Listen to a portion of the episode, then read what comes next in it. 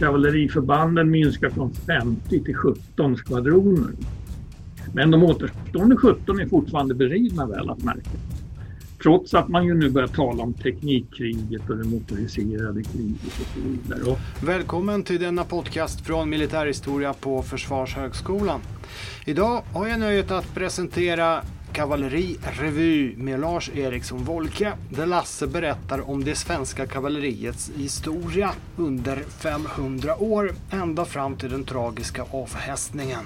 Lars Eriksson Wolke är professor emeritus verksam vid militärhistoriska sektionen på FHS medan jag är Piotr Wawrzeniuk, er värd tillika docent, forskare, lärare på militärhistoriska sektionen. Vad är speciellt med kavalleriet ställt mot andra truppslag? Det speciella är väl egentligen hästarna.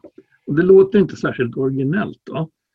Eh, för en artillerist skulle kunna säga att ja, vi, vi är speciella, vi har kanoner och, och stridsvagnsvapnet och sina stridsvagnar men hästarna är ju ändå levande varelser. Och det skiljer dem ju från de flesta andra truppslag. Sen ska man komma ihåg att det, de flesta truppslag har ju varit mer eller mindre hästanspända och fram till och med andra världskriget åtminstone. Så att hästarna är ju inget unikt för kavalleriet men det är liksom ändå på dem som kavalleristen sitter och utför sitt militära hantverk så att säga långt fram i tiden. Och minnet av hästarna har ju någonstans eh, fortsatt att hänga kvar också. När kan vi tala om att, om vi tänker oss rent allmänt utanför Sverige, om kavalleriförband i, i rätt bemärkelse? I princip kan man väl säga, eh, vi går riktigt långt tillbaka, Mellanöstern åtskilliga hundra år före Kristi födelse. Det har ju diskuterats när man domesticerar hästen, om den kunde användas både som dragdjur och riddjur. Dra stridsvagnar då till exempel, 1200-1300-talets Egypten före Kristi födelse, ja då har vi ju hästdragna stridsvagnar till exempel. Då. Men eh, moderna rytteriet, det kan man ju i någon mening säga föds under medeltiden. Det har ju varit en stor diskussion om när till exempel stigbygeln införs. Och den gör ju att man kan som ryttare utkämpa en strid mycket mer effektivt, eller rätt sagt en duell med en annan ryttare. Och eh, utan stigbygel hade det liksom, de medeltida turnerspelen varit otänkbara. Men eh, i Sverige har vi ju ryttare förvisso både bepansrade med rustning och uh, lättare rytteri i olika formationer under medeltiden. Men det är ju under 1500-talet, när i början av den svenska arméns ska säga, moderna historia, ett långt historiskt perspektiv. Det är då som man börjar sätta upp renodlade kavalleriförband, framförallt i Småland och i Västergötland. Och det där drar ju igång Eh, framför allt egentligen efter att Dackefejden har avslutats 1543 och det upp, småländska upproret är nedslaget. Då börjar man rekrytera sådana här trupper, bland annat, i, inte minst i Småland. Berätta mer om den här utvecklingen, om hur kavalleriregementena växer fram.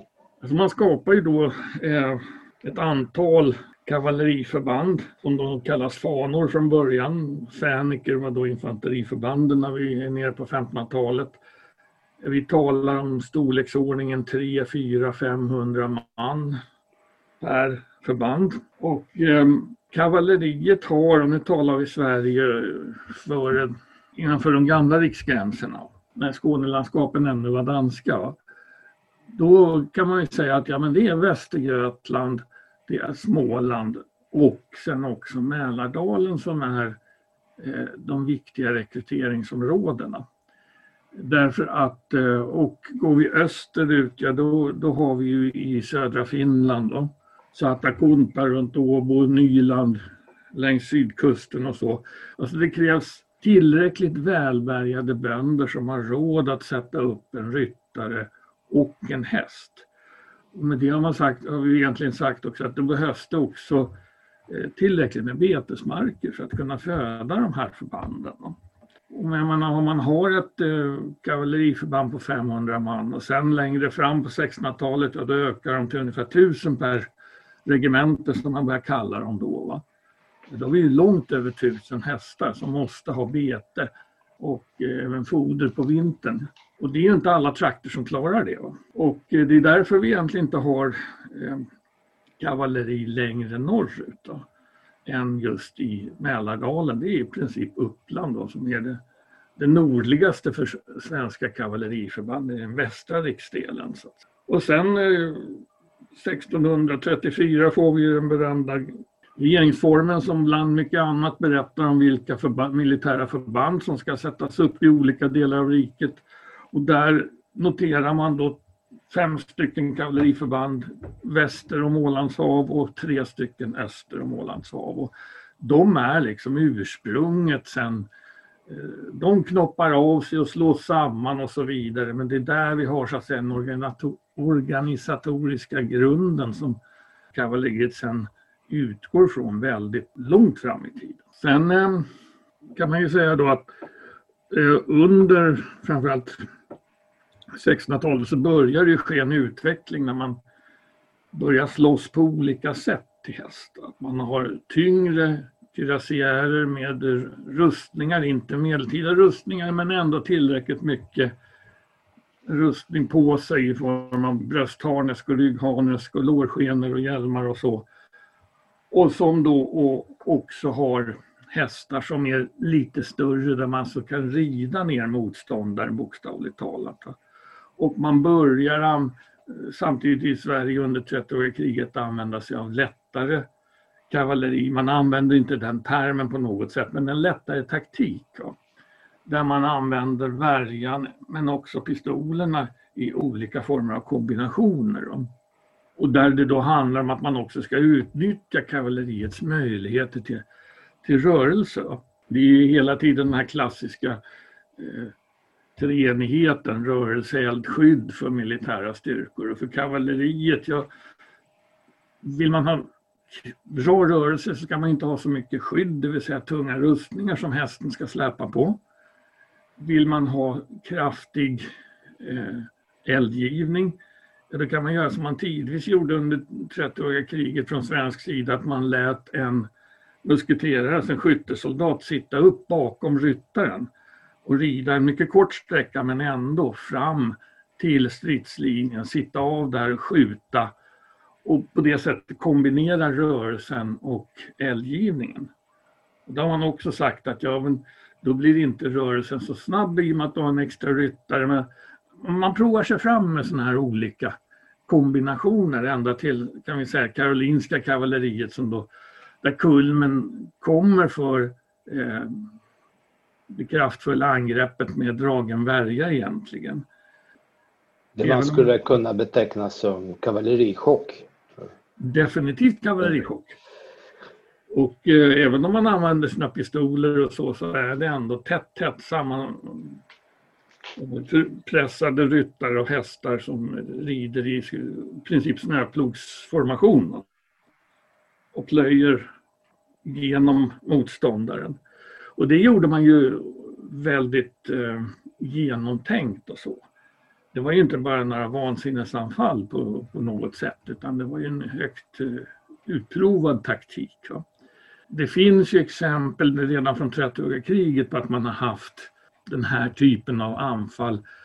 Vi hade ju en svensk eh, kavalleribefälhavare, Åke Tott, som ledde förband i början på 1630-talet i Mecklenburg och Pommern och andra delar av Tyskland under Gustav II Adolfs tid och han ledde ju sina, kavalleri, sina förband i kavallerichocker. Då.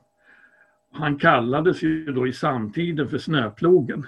Vilket ju antyder att det, var liksom ingen sofistikerad taktik och det blev ju då också gräsliga förluster. Då. Så det är frågan liksom vad som var värt den här typen av insatser samtidigt som man satte skräck i motståndaren. Men under karolinsk tid så är det mer sofistikerat definitivt. Hur utvecklades detta under den karolinska tiden? Ja, det är just att man bit för bit eh, eh, utveckla den här anfallstaktiken. Och Karolinska eh, kavalleriet är ju i någon mening det främsta truppslaget i betydelsen att det är det som står för offensiven. Vi har ju ett grundläggande eh, tänk som är väldigt offensivt. Hade det varit mera defensivt, ja då hade infanteriet i motsvarande grad fått en större relativ betydelse. Att det var otroligt viktigt ändå, ja det säger sig självt. Då. Men man utvecklar också under karolinsk tid eh, med fältartilleriet ytterligare som man hade gjort redan i början på 1600-talet. När man tar ytterligare steg för att kunna föra fram eh, effektiv eldgivning också. Eh, men då handlar det om de luckor som eh, kavalleriet hade eh, skapat. Men ofta handlar, handlar alltså grunduppställningen under flera generationer är ju liksom stor massa med infanteri i mitten och sen har vi kavalleri på vänster och höger flygel. Och kavalleriets uppgift är ju då, och motståndaren ställer ju upp ungefär på samma sätt även under karolinsk tid. Då. Och då handlar det om att liksom driva tillbaka motståndarens kavalleri och sen kunna antingen inringa motståndarens infanteri eller i alla fall eh, hugga in från sidan på det så att man underlättar det egna infanteriets genombrott. Så det handlar ju om att ändå kombinera kavalleri och infanteriinsatserna. Vi har ett tydligt exempel på när det inte lyckas till början. Det, är ju slaget vid Lund är klassiskt eh, mycket blodiga för både svenskar och danskar 1676 när Karl XI då som eh, ganska ungt brushuvud eh, leder en kavalleriattack som driver undan en del av det danska kavalleriet och sen förföljer man danskarna ganska långt innan man inser att nu är det ju faktiskt dags att vända återvända till huvudstridsskådeplatsen. Det vill säga ett framgångsrikt kavallerianfall kan ju också leda till att kavalleriet bokstavligt talat försvinner från slagfältet för de är ute och liksom fullföljer sin seger, vilket kanske in, ibland kan vara optimalt men ibland inte. Om vi går vidare från den karolinska tiden till eh, de nya varianter av kavalleri som utvecklas under 1700-talet. Kan du prata lite om de här förändringarna? Alltså förändringarna då handlar ju eh, om eh, utveckling av eldhandvapnen. Man börjar eh, utveckla inte bara, bara eh, musköter med långa pipor utan man eh, har kortpipiga så kallade studsare. Som gör att eh, en kavallerist kan alltså ha ett gevär som man börjar kalla det här i slutet på 1700-talet hängande på ryggen. Det kunde han egentligen inte med de gamla musköterna oavsett att de är tekniskt inte fulländade på något sätt. Därför att de var i vägen helt enkelt, de var för stora. Men nu får man mindre eldhandvapen som ändå är kraftigare än de klassiska pistolerna.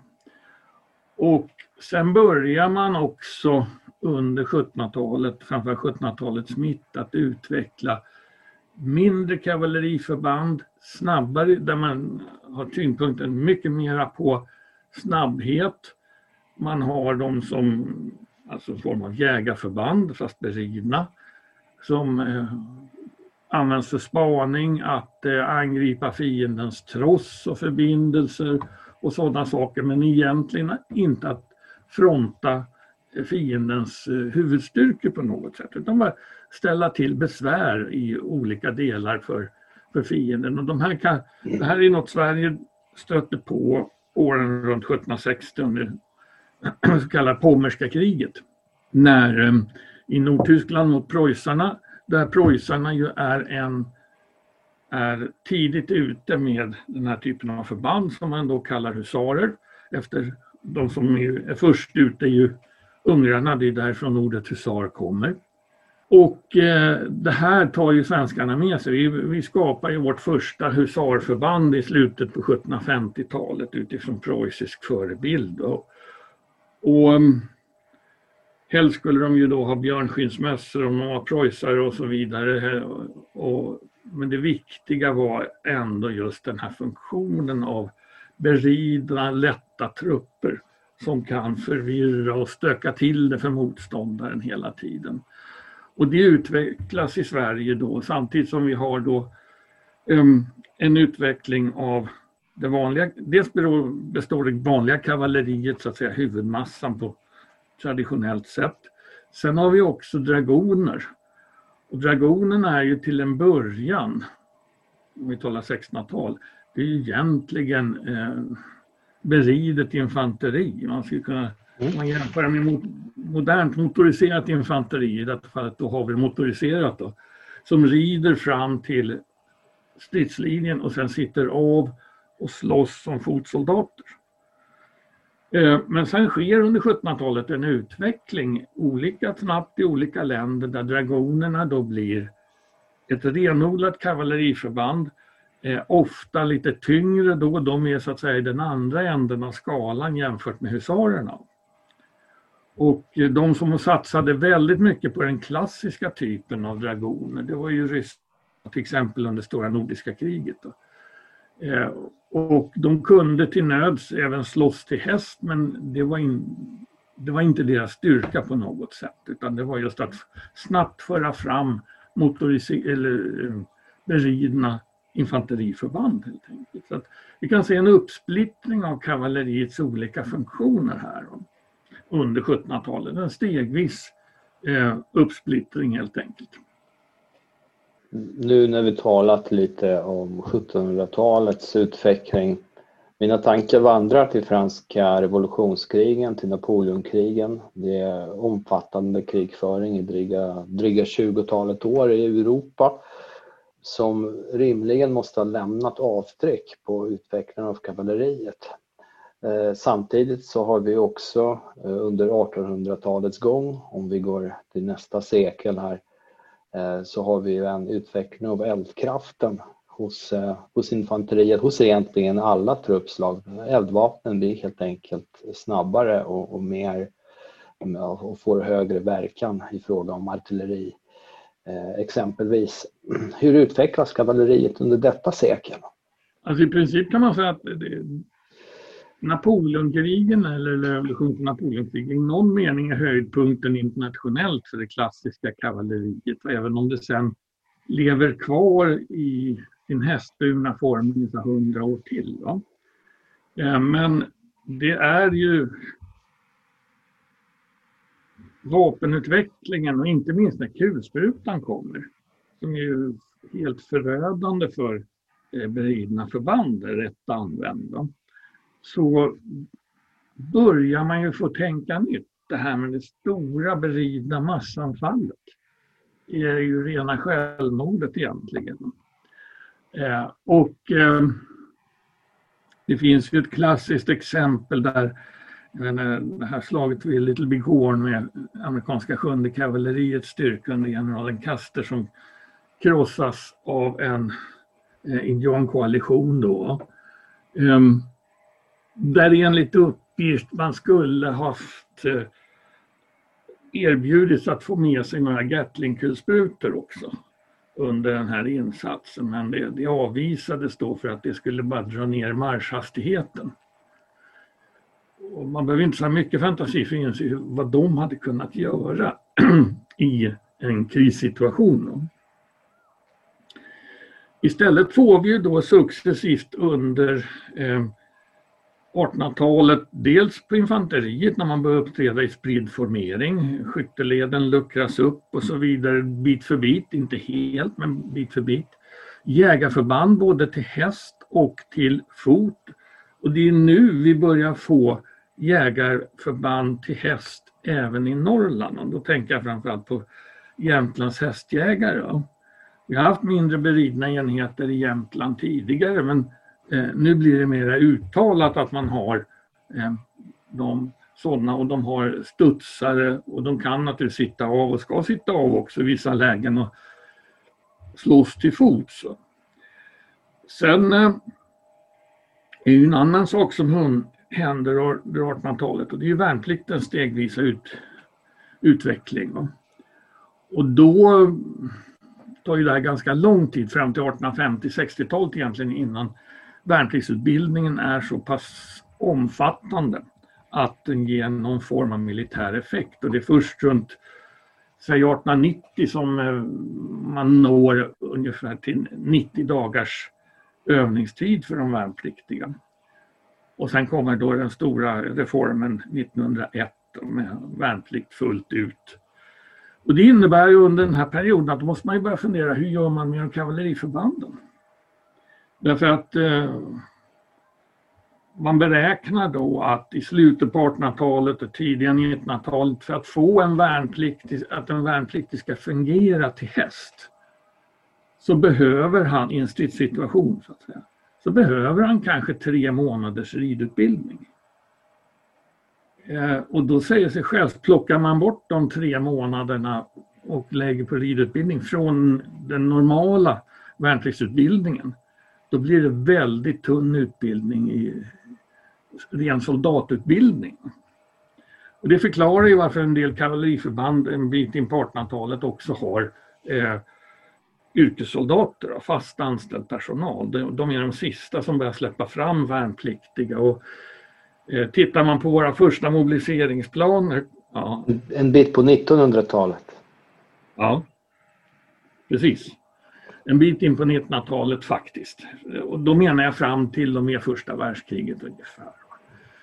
Och det där drar man ju olika konsekvenser av. Eh, Smålands husarer till exempel, deras första mobiliseringsplaner, då ligger vi 1850-talets mitt, alltså väldigt tidigt. Så eh, eh, räknar man att de fast anställda husarerna, det är de som ska utgöra själva anfallslinjerna. Första och andra anfallslinjerna. Medan den tredje, de som skulle vara i reservens reserv, ja det är de värnpliktiga. För att de, de sätter man inte in innan de andra krasst uttryckt har gjort vad de har förmått. Då. Och det är just det här liksom. Antingen ska de vara duktiga ryttare eller också ska de vara duktiga soldater. Man hinner liksom inte med allting under samma värnpliktsutbildning vi har precis halkat in på 1900-talet och då går mina tankar osökt till första världskriget. Där den gängse bilden, åtminstone i fråga om västfronten, är de här massiva eh, infanteritunga slagen. Mm. Eh, som, som, som då, den korta krig, rörliga krigföringen eh, i augusti-september 1914 där även då kavalleri är in, eh, kavalleriet är indraget stelnar i skyttegravskriget med kavalleriförband då som, som sitter där någonstans och väntar och, och ruvar sin tid som då aldrig tycks komma. Mm. Ja, men det är ju precis så. Och de här insikterna har egentligen hos många kommit, ledande militärer i många länder kommit sedan före 1914 men nu blir det väldigt handfast. Va? Det moderna skyttegravskriget, det moderna äh, fältartilleriet, kulsprutorna återigen och så vidare. De gör kavalleristiska massanfall och traditionellt snitt är ännu mer vansinne. Va? Undantag finns alltid, att det finns givna taktiska situationer där det skulle vara användbart. Det här gäller ju västfronten framför allt, men även i öster, öster där man ju ibland brukar lyfta fram att här fanns då yta och här kunde både tyskar, österrikare och, och ryssar använda stora kavalleriförband och ännu kunde ryssarna släppa loss stora kosackformationer och sådana saker. Och, och man kunde bedriva en kavalleristrid av klassiskt snitt i någon mening. Samtidigt så har vi mängder exempel på att både tyska och österrikiska kavallerister de gräver ner sig i skyttegravar i Karpaterna och så vidare beroende på hur den militära utvecklingen har, har gått. Och det där ser man ju i Sverige och börjar diskutera. När kriget sen tar slut så diskuterar man ju det här i anslutning till det som sen blir 1925 års försvarsbeslut. Då är det ju många faktorer som spelar in. Eh, men kavalleriet i det försvarsbeslutet är ju det truppslag som drabbat, drabbas hårdast av nedskärningar. Så kavalleriförbanden minskar från 50 till 17 skvadroner. Men de återstående 17 är fortfarande beridna väl att märka. Trots att man ju nu börjar tala om teknikkriget och det motoriserade kriget och så vidare. Och det fanns ju något fram till 25 års försvarsbeslut som kallades kavallerifördelningen.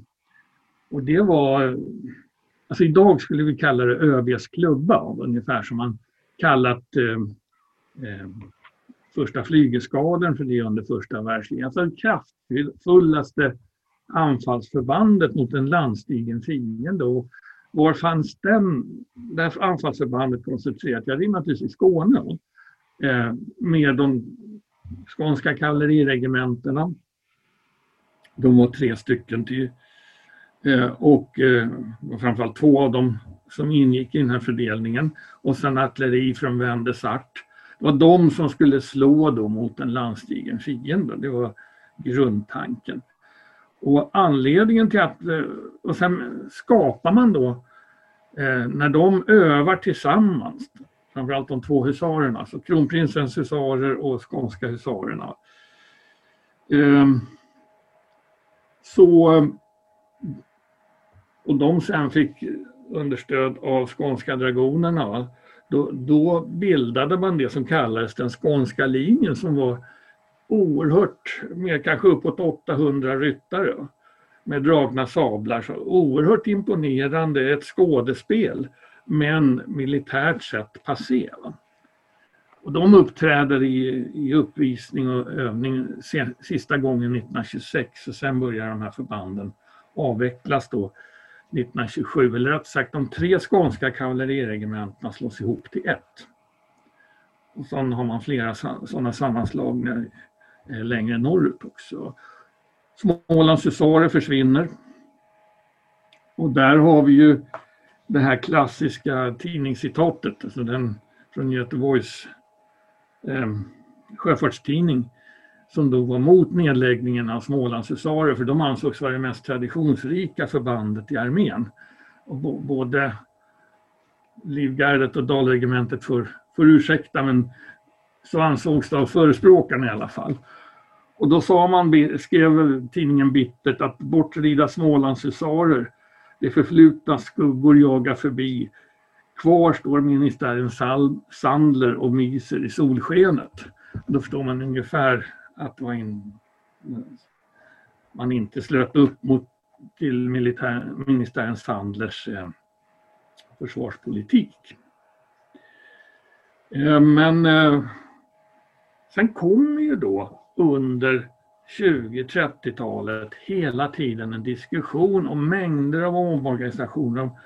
Kavalleriförbanden finns alltså kvar, de sätter som krigsförband upp kavalleribataljoner som ska ingå i de olika fördelningarna. Och då är frågan, liksom, de här bataljonerna, ska de vara beridna? Det är de ju till en början. Eller ska de vara cykelburna? Eller ska det vara en kombination av häst och cykel? Och sen börjar man då testa, framförallt på K3 i Skövde då, eh, livhusarerna eh, med pansarbilar.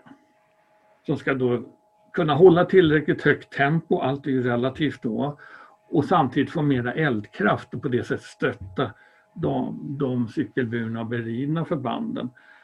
Och det här mixas på olika sätt och man har en särskild kavalleribrigad i slutet på 30-talet men den döps sen om till motorbrigaden under andra världskrigets beredskap. Då finns fortfarande vissa beridna special, eh, spaningsförband kvar. Man kan se successivt går det över till att kavalleriet ska enbart inom citationstecken användas till spaning. Helst i oländig terräng. Då. Det är kavalleriinspektören Henry Peyron gör en utredning på, under andra världskriget där han inser liksom vartåt det är på väg. Då. Och samtidigt funderar han på hur ska jag kunna rädda mitt truppslag? Ja, då, då är det att vad är kavalleristerna förbanden bäst på? Jo, nämligen spaning i oländig terräng. Va? Med ett visst tempo då samtidigt. Va? Och det är det som är, blir så att säga kavalleriets eh, kännetecken från, från andra världskrigets sista år egentligen. De här försöken du berättade om under 20-30-talet, nedskärningarnas tid, eh, fick mig att tänka på en av de många polska militärattachérapporter jag läste om, om situationen i Sverige. Den polsk militärattaché som närvarar vid en övning. Jag kan tyvärr inte dra mig till minnes var, men vi, vi rör oss någonstans i slutet av 20, början av 30-talet när övningsverksamheten är som minst kanske eh, under, under mellankrigstiden. Och då kommenterar den här herren att ja, kavalleriets uppgifter förblev oklara för mig eftersom jag aldrig såg något kavalleri. Så jag vet inte hur det kommer in i den här bilden men det, var de här orden som frammanades hos mig. Från det är väl ganska talande egentligen just att man lyckas på många år inte enas om egentligen vad de beridna trupperna ska användas till. Eh, förutom att då ett antal militära tänkare också tycker att de ska avvecklas helt och hållet. Och då skapas den här osäkerheten. Den här glidande utvecklingen från de större beridna förbanden efter, även efter då 1925 års försvarsbeslut. Samtidigt ska man komma ihåg att eh, det var egentligen ingen krigsmakt under andra världskriget, och nu talar vi europeiska krigsskådeplatsen, som var helt motoriserad förutom den amerikanska. Alla andra hade i större eller mindre utsträckning också hästar. Eh, det klassiska exemplet med tyska anfallet på Sovjetunionen 1941. Tre miljoner man som går in över gränsen. Eh, ja, de hade med sig en miljon hästar också. Så att det, det ger en aning om det och då handlar det ju inte bara om kavalleriförband renodlade utan överhuvudtaget hästdragna eh, ammunitionsforor, artilleri, you name it. Sen direkt efter 1945, ja, då kommer ju det här omställningen i den mån den inte har satt igång ordentligt i de flesta länder. Det påverkar ju Sverige, Sverige också. Och här lär ju erfarenheterna från andra världskriget spela in, framförallt kanske från dess slutskede. Absolut. Eh, I, i kombination med mycket överskottsmaterial som, som cirkulerar. Eh, kan du berätta lite om den tiden, om dekaderna direkt efter andra världskriget?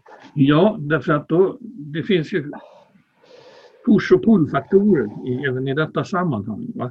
Alltså överskottsmaterial mängder av erfarenheter från andra världskriget. Um, man kunde ju se till exempel förändringarna för den sovjetiska krigsmakten när de blev mer motoriserade med hjälp av amerikanska lastbilar eh, under andra hälften av världskriget och vad det innebar rent taktiskt. Ehm, så allt det här förstod man ju och och samtidigt så, och valet hade egentligen träffats i Sverige redan det här med Eh, jägarförband, eh, spaningsförband och så vidare och till hästar. Det är där hästen kan fortsätta ha en funktion. Men sen är det ju också en annan aspekt när vi kommer in på 50-talet. Det är ju att hästen bit för bit eh, blir mindre vanligt förekommande i det svenska samhället. Eh, folk som har erfarenhet av hästar, eh, uppfödning av hästar och så vidare. Alltså jordbrukets motorisering, skogsbrukets motorisering som ju ändå börjar vid den här tiden, även om den är långt ifrån genomförd då, på 50-talet, är också en viktig faktor. Man kan liksom inte skapa stora förband som bygger på en kunskap eh, och på hästar som det blir allt mindre av, krasst uttryckt. Det blir dyrare och dyrare i så fall om försvaret själva ska eh, sköta hela hästhanteringen. Så att eh, 1955-56 fattas ju egentligen de viktiga besluten att kavalleriförbanden ska avhästas. Eh, och undantaget är egentligen bara Norrlands dragoner i Umeå där man då bedriver försöksverksamhet. Um, och man kan använda helikoptrar eller man kan använda bandvagnar för att eh, föra, föra ut eh, spaningsförband, jägarförband ut i oländig terräng och sen underhålla dem där. Och ehm, de här försöken resulterar att man 1966 bestämmer sig arméchefen för att nu ska de sista hästarna i krigsorganisationen bort från också då K4 eller Norrlandsdragonerna. Och skälet till det är helt enkelt att hästar kan användas i oländig Norrlandsterräng men de orkar inte till närmelsevis bära lika mycket underhåll och utrustning som eh, bandvagnarna. De behöver ju sin bensin och så vidare. Va? Men eh, det är det som egentligen fäller avgörandet att även den här typen av förband motoriseras. Och sen har man då kompletterande försök med att släppa förråd från eh, bland annat helikoptrar. Då. Men det, så bandvagnen slår ut hästen och sista hästarna. Och då förs det en ska vi säga, nästan desperat kamp från de tre kavalleriförbanden, alltså K1 i Stockholm, K3 i Skövde och K4 i Umeå. Sen flyttar de ju till Arvidsjaur men det, då är de redan avhästade så att säga. Och regiment, de cheferna bestämmer sig eh, i mitten på 50-talet att bilda en arbetsgrupp inom arméstaben. Och den kallas då arbetsgrupp Hästen. Och då förstår man ju ungefär i vilken riktning de ska arbeta. Och det är ganska intressant att det gör de inom arméstabens ram. Och bedriver då eh, argumentation för att hästen ska bevaras. Och det mest ultimata eh, exemplet på de argumenten det handlar ju om att förklara hur bra hästar är, hur mindre praktiska motorfordon är i vissa situationer. Och då, för, det här är ju en tid när man förväntar sig eh, insats av taktiska kärnvapen. Det ingår som en förutsättning i alla övningar till exempel. Och då konstaterar man i den här arbetsgruppen att en stridsmiljö där kärnvapen har detonerat, och nu bortser man ju från strålning och sådana saker, utan där där är liksom allting fysiskt sönderslaget inklusive väg, vägnätet. Och då är det egentligen bara hästar som till nöds kan ta sig fram där. Men däremot inte motorfordon. Då. Sen må det vara bandvagnar eller hjulfordon eller vad det än är. Och det visar liksom hur eh, man eh, har fört den här diskussionen, dock inte till någon nytta egentligen, utan slutresultatet i mitten på 60-talet blev ju det som det, eh, det förväntade får man väl säga. Ja, jag gissar att eh, ett sista skälvande arv av allt detta, bortsett från eh, förbandsnamnen, det är väl Beridna högvakten. Ja. Och den representationsfunktion som den har. Så jag uppmanar alla våra lyssnare i den mån de kan att bidra till föreningen Eh, beridna högvaktens vänner. Ifall de la klappar för kavalleriet. Men det där visar ju också att då, då, är vi tillbaka till det vi började med egentligen. Alltså hästens betydelse. Va? Hästens roll och det intryck som hästen skapar både för ryttaren och för den som tittar på. Va? Eller i värsta fall den som är fienden då. Och, ehm, därför var ju det här med hästhållningen så oerhört viktig. när man inför två kavalleriregementen på 1600-talet i Skåne till exempel, då kallar man ju dem det norra och södra skånska kavalleriregementet. Och, men de ligger då inte som man skulle kunna tro förlagda i norra respektive södra Skåne utan man vänder på det i, i 90 grader och så att båda delar på Göingebygden för där fanns det betesmarker. Och det behövde båda kavalleriförbanden. Alltså det är sådana tankar som spelar en roll. Man inför ju särskilda hingstdepåer. En av de viktigaste sakerna som med att vi fick Skåne av Danmark, eller fick och fick, men eh, erövrade Skåne 1658, det var att vi fick, eh, kunde ta över Flyinge. Och med både ridutbildning och framförallt hingstdepån där som hade grundats under dansk tid. Strömsholm med ridutbildning och så vidare, viktigt. Och ett antal eh, remontdepåer där man från slutet på 1800-talet börjar föda upp eh, hästar till eh, arméns behov. Och många hästar är då också utlämnade till, vi skulle kunna kalla fodervärdar ute, där bönderna fick använda hästarna och sen mot att lämna in dem vid mobilisering.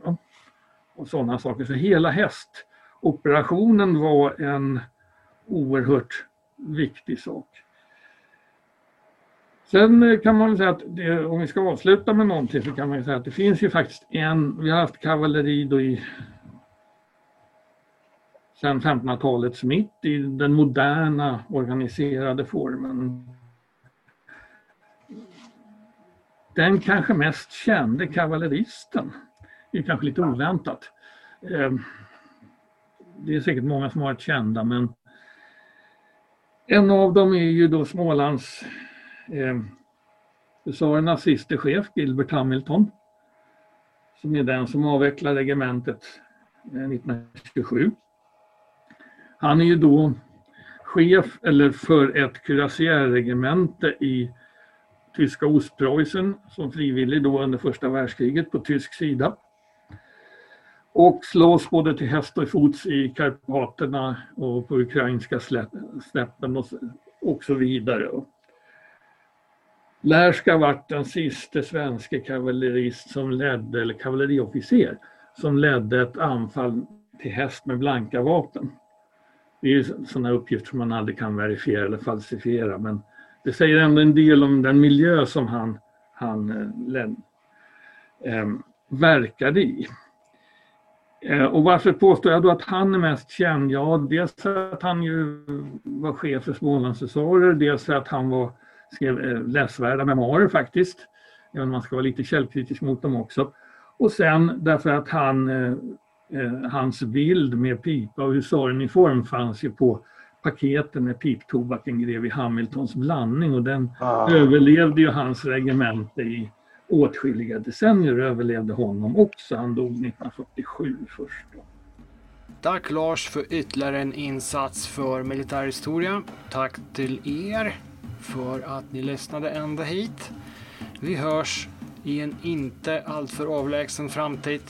Adjö.